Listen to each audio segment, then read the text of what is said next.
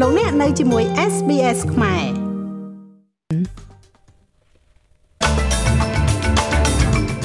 រដ្ឋមន្ត្រីក្រសួងធម្មពលជួបប្រជុំគ្នានៅថ្ងៃនេះដើម្បីដោះស្រាយបញ្ហាតម្លៃឧស្ម័នដែលកំពុងតែឡើងថ្លៃនៅក្នុងប្រទេសអូស្ត្រាលីគណៈកម្មការប្រឆាំងអំពើពុករលួយថ្មីនឹងត្រូវបង្កើតឡើងតាមផ្លូវច្បាប់នៅចុងឆ្នាំនេះ Westpac គឺជាធនាគារដំបូងគេក្នុងចំណោមធនាគារធំៗទាំង4ដែលដំឡើងអត្រាការប្រាក់ពេញលេញបន្តទៅឲ្យអ្នកខ្ចីប្រាក់កម្ចីទិញផ្ទះ។ រដ្ឋមន្ត្រីក្រសួងធម្មពលកំពុងជួបប្រជុំគ្នានៅថ្ងៃនេះដើម្បីពិភាក្សាអំពីដំណោះស្រាយដែលអាចកើតមានឡើង ចំពោះតម្លៃឧស្ម័ននៅក្នុងប្រទេសអូស្ត្រាលីដែលកំពុងតែកើនឡើងការរំពឹងទុកតិចតួចណាស់ថាកិច្ចប្រជុំរវាងរដ្ឋមន្ត្រីក្រសួងធម្មពលថ្មីលោក Chris Bowen និងសមាភិកីតាមបណ្ដារដ្ឋនិងដែនដីរបស់លោកអាចធ្វើបានជាផ្លែផ្កាដុំកំភួនក្នុងប៉ុន្មានសប្តាហ៍និងប៉ុន្មានខែខាងមុខនេះ។ គេរំពឹងថាការផ្ដោតសំខាន់នឹងត្រូវផ្ដោតទៅលើសកម្មភាពរយៈពេលមធ្យមជំនួសវិញដើម្បីជំរុញធម្មពលកកើតឡើងវិញនិងសមត្ថភាពផ្ទុកធម្មពលលោកនាយករដ្ឋមន្ត្រី Anthony Albanese មានប្រសាសន៍ថាសម្ពាធទាំងនេះបានបង្កឡើងក្នុងរយៈពេលជាច្រើនឆ្នាំមកហើយដោយរដ្ឋាភិបាលមុនមុនហើយមិនបានអនុវត្តគោលនយោបាយធម្មពលរបស់ពួកគេណាមួយនោះឡើយ Nothing happened for 9 years and this is a direct គ្មានអ្វីបានកើតឡើងតតែសោះក្នុងរយៈពេល9ឆ្នាំមកនេះហើយនោះគឺជាផលវិបាកដោយផ្ទាល់មានកត្តាអន្តរជាតិប៉ុន្តែវាក៏ជាកត្តានៃការបរាជ័យរបស់អតីតរដ្ឋាភិបាលនៅក្នុងការមានគោលនយោបាយធម្មពលប្រសិនបើអ្នកមានក្រឡាដែលសមស្របគោលបំណងដែលការកើតឡើងវិញកំពុងទៅត្រូវបានគេដោតចូលទៅក្នុងក្រឡានោះ អ្នកនឹងមានការបន្ធូរបន្ថយសម្ពាធពិតប្រាកដដែលកើតមាននៅពេលនេះ គេរំពឹងថាគំរូរបស់រដ្ឋាភិបាលលោក Albany សម្រាប់អ្នកឃ្លាំមើលការប្រឆាំងអំពើពុករលួយជាតិនឹងបង្កើតច្បាប់នៅចុងឆ្នាំនេះហើយនឹងដំណើរការនៅពាក់កណ្ដាលឆ្នាំ2023អគ្គមេធាវីថ្មីលោក Mark Dreyfus កំពុងបង្កើតក្រុមការងារនៅក្នុងនាយកដ្ឋានរបស់លោក ដើម្បីផ្ដល់នូវការសន្យាបោះឆ្នោតដ៏សំខាន់របស់បក Labor ។ បក Labor នឹងពិគ្រោះយោបល់ជាមួយនឹងសមាជិកសភាឯករាជ្យលើការរចនាច្បាប់នេះគណៈពេលដែលទទួលយកចំណុចសំខាន់សំខាន់ដែលមានស្រាប់ពីគណៈកម្មការរដ្ឋនិងដែនដីលោក Dreyfus បានប្រាប់ ABC ថាគំរូនាពេលខាងមុខនេះនឹងដោះស្រាយកំហុសដ៏ធ្ងន់ធ្ងរនៅក្នុងសំណើរបស់រដ្ឋាភិបាលមុន។ The commission is going to be independent it's going to be powerful គណៈកម្មការនេះនឹងជាគណៈកម្មការឯករាជ្យដែលមានអំណាច វានឹងមានអំណាចរាជគណៈកម្មការ ហើយបញ្ហាចម្រូងចម្រាសមួយចំនួន ដែលយើងសម្លឹងមើលរួចហើយនោះគឺជាវិសាលភាពនៃគណៈកម្មការនេះ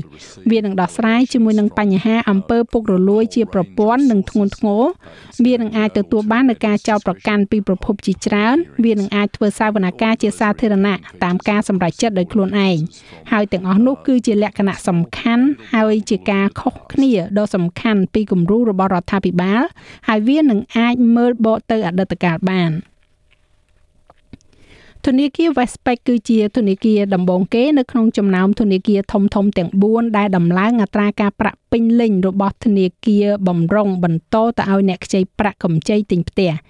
ការកើនឡើងរបស់ធនាគារ Westpac លើអត្រាការប្រាក់ប្រែប្រួលសម្រាប់ប្រាក់កម្ចីទិញផ្ទះដែលអនុវត្តចំពោះទាំងអតិថិជនថ្មីនិងអតិថិជនដែលមានស្រាប់នេះនឹងចាប់ផ្ដើមពីថ្ងៃទី21ខែមិថុនាទៅប៉ុន្តែធនាគារនេះជឿជាក់ថាអតិថិជនរបស់ខ្លួនអាចគ្រប់គ្រងការកើនឡើងនេះបានដោយសារតែមានប្រាក់សន្សំទុកកាលពីអំឡុងពេលមានโรគរាតត្បាត។ ការកើនឡើងនៃអត្រាការប្រាក់ដ៏ធំបំផុតរបស់ ABA ក្នុងរយៈពេលជាង20ឆ្នាំមកនេះគឺកើនឡើងកន្លះភាគរយបន្ថែម ដែលធ្វើឲ្យការប្រាក់ឡើងដល់0.85%គឺខ្ពស់ជាងការរំពឹងទុករបស់អ្នកសេដ្ឋកិច្ចទៅទៀតអភិបាលធនាគារកណ្ដាលលោក Philip Lowe មានប្រសាសន៍ថាវាត្រូវធ្វើឡើងដើម្បីគ្រប់គ្រងអត្រាអតិផរណាហើយថាការដំឡើងអត្រាការប្រាក់បន្ថែមទៀតនឹងត្រូវបានគេរំពឹងទុកនៅក្នុងពេលប្រមាណខែខាងមុខនេះ។ ទីភ្នាក់ងារអវកាសអាមេរិក NASA នឹងបាញ់បង្ហោះគ្រាប់រ៉ុកែតចំនួន3គ្រាប់នៅ Arnhem Land ដែនដីភាគខាងជើងនៅក្នុងខែនេះនេះជាលើកទី1ហើយដែល NASA បាញ់បង្ហោះរ៉ុកែតចេញពីទីតាំងពាណិជ្ជកម្មនៅខាងក្រៅសហរដ្ឋអាមេរិកហើយក៏ជាលើកដំបូងហើយដែរដែល NASA បាញ់គ្រាប់រ៉ុកែតចេញពីប្រទេសអូស្ត្រាលីគិតចាប់តាំងពីឆ្នាំ1995មករដ្ឋាភិបាលនិយាយថាក្របរ៉ុកែតនឹងត្រូវបានប្រើដើម្បីស៊ើបអង្កេតបាតុភិប ព្រះអាទិត្យតារារូបវិទ្យានិងបាតុភូតវិទ្យាសាស្ត្រនៅលើភព ដែលអាចមើលឃើញ តែពីអត្តកូលខាងត្បូងប៉ុណ្ណោះរដ្ឋមន្ត្រីក្រសួងឧស្សាហកម្មនិងវិទ្យាសាស្ត្រលោក Ed Husick មានប្រសាសន៍ថារដ្ឋាភិបាលរបស់លោកចង់ពង្រឹងជំនឿលើសមត្ថភាពរបស់អូស្ត្រាលីឡើងវិញ។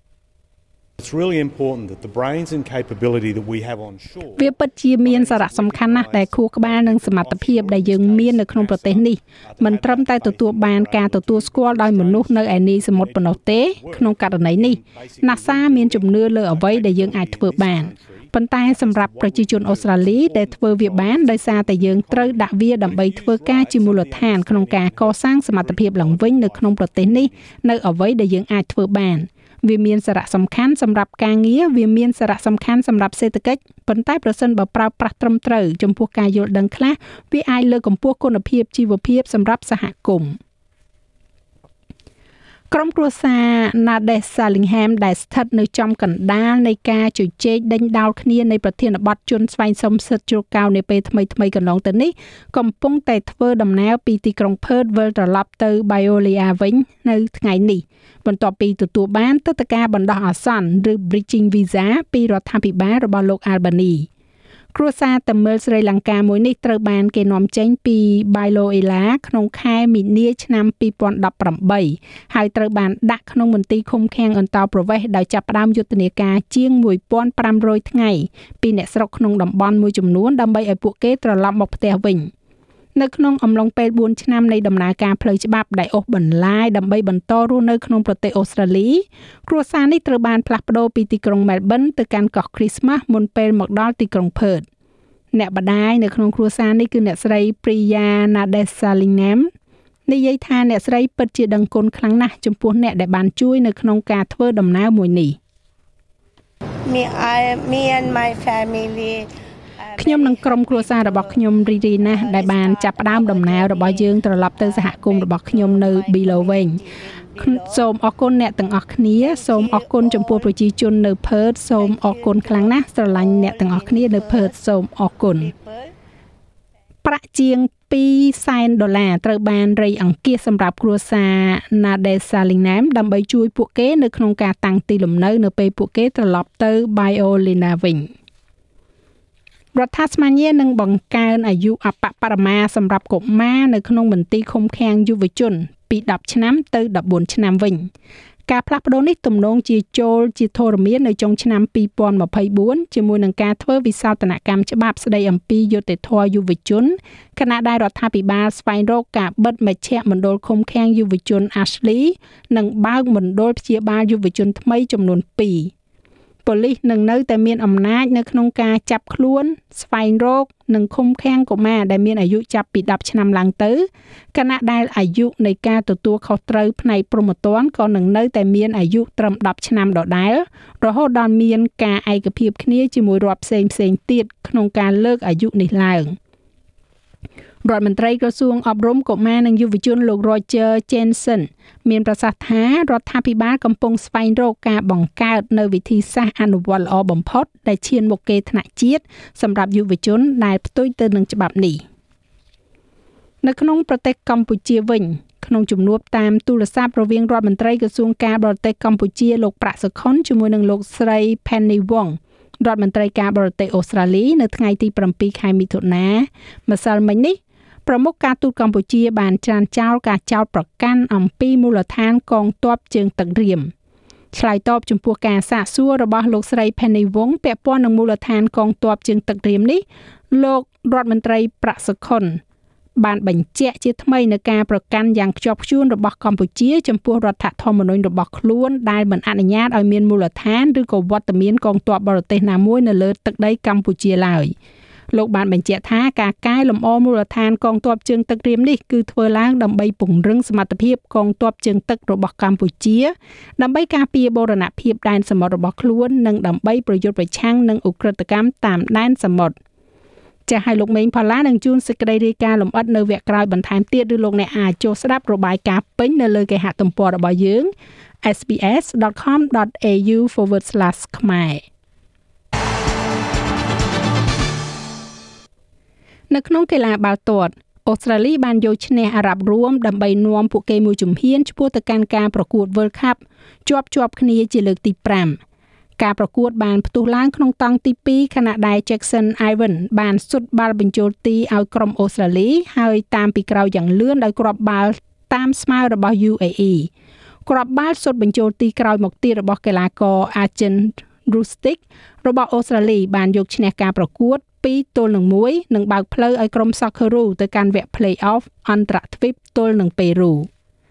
ចំណែកឯអត្រាប្តូរប្រាក់វិញ1ដុល្លារអូស្ត្រាលីមានតម្លៃប្រមាណជា72សេនពីប្រាក់ដុល្លារអាមេរិកត្រូវនឹង2930រៀលប្រាក់រៀលខ្មែរ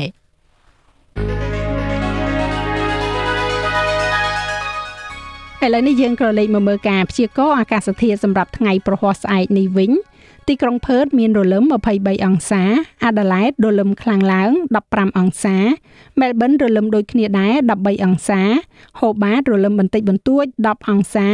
នៅទីក្រុងខេនបេរ៉ាមានពពកដោយពេល10អង្សា បើកថ្ងៃល្អនៅស៊ីដនី16អង្សា ដូចគ្នានៅ Brisbane 18អង្សា មានពពកដោយពេលនៅ Cairns 26អង្សា បើកថ្ងៃនៅ Darwin 31អង្សា ទីក្រុងភ្នំពេញមានពពកដោយពេល36អង្សា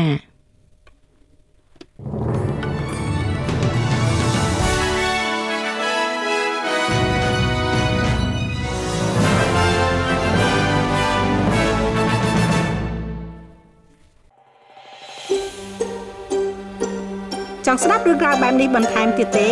ស្ដាប់នៅលើ Apple Podcast Google Podcast Spotify ឬកម្មវិធីដទៃទៀតដែលលោកអ្នកមាន។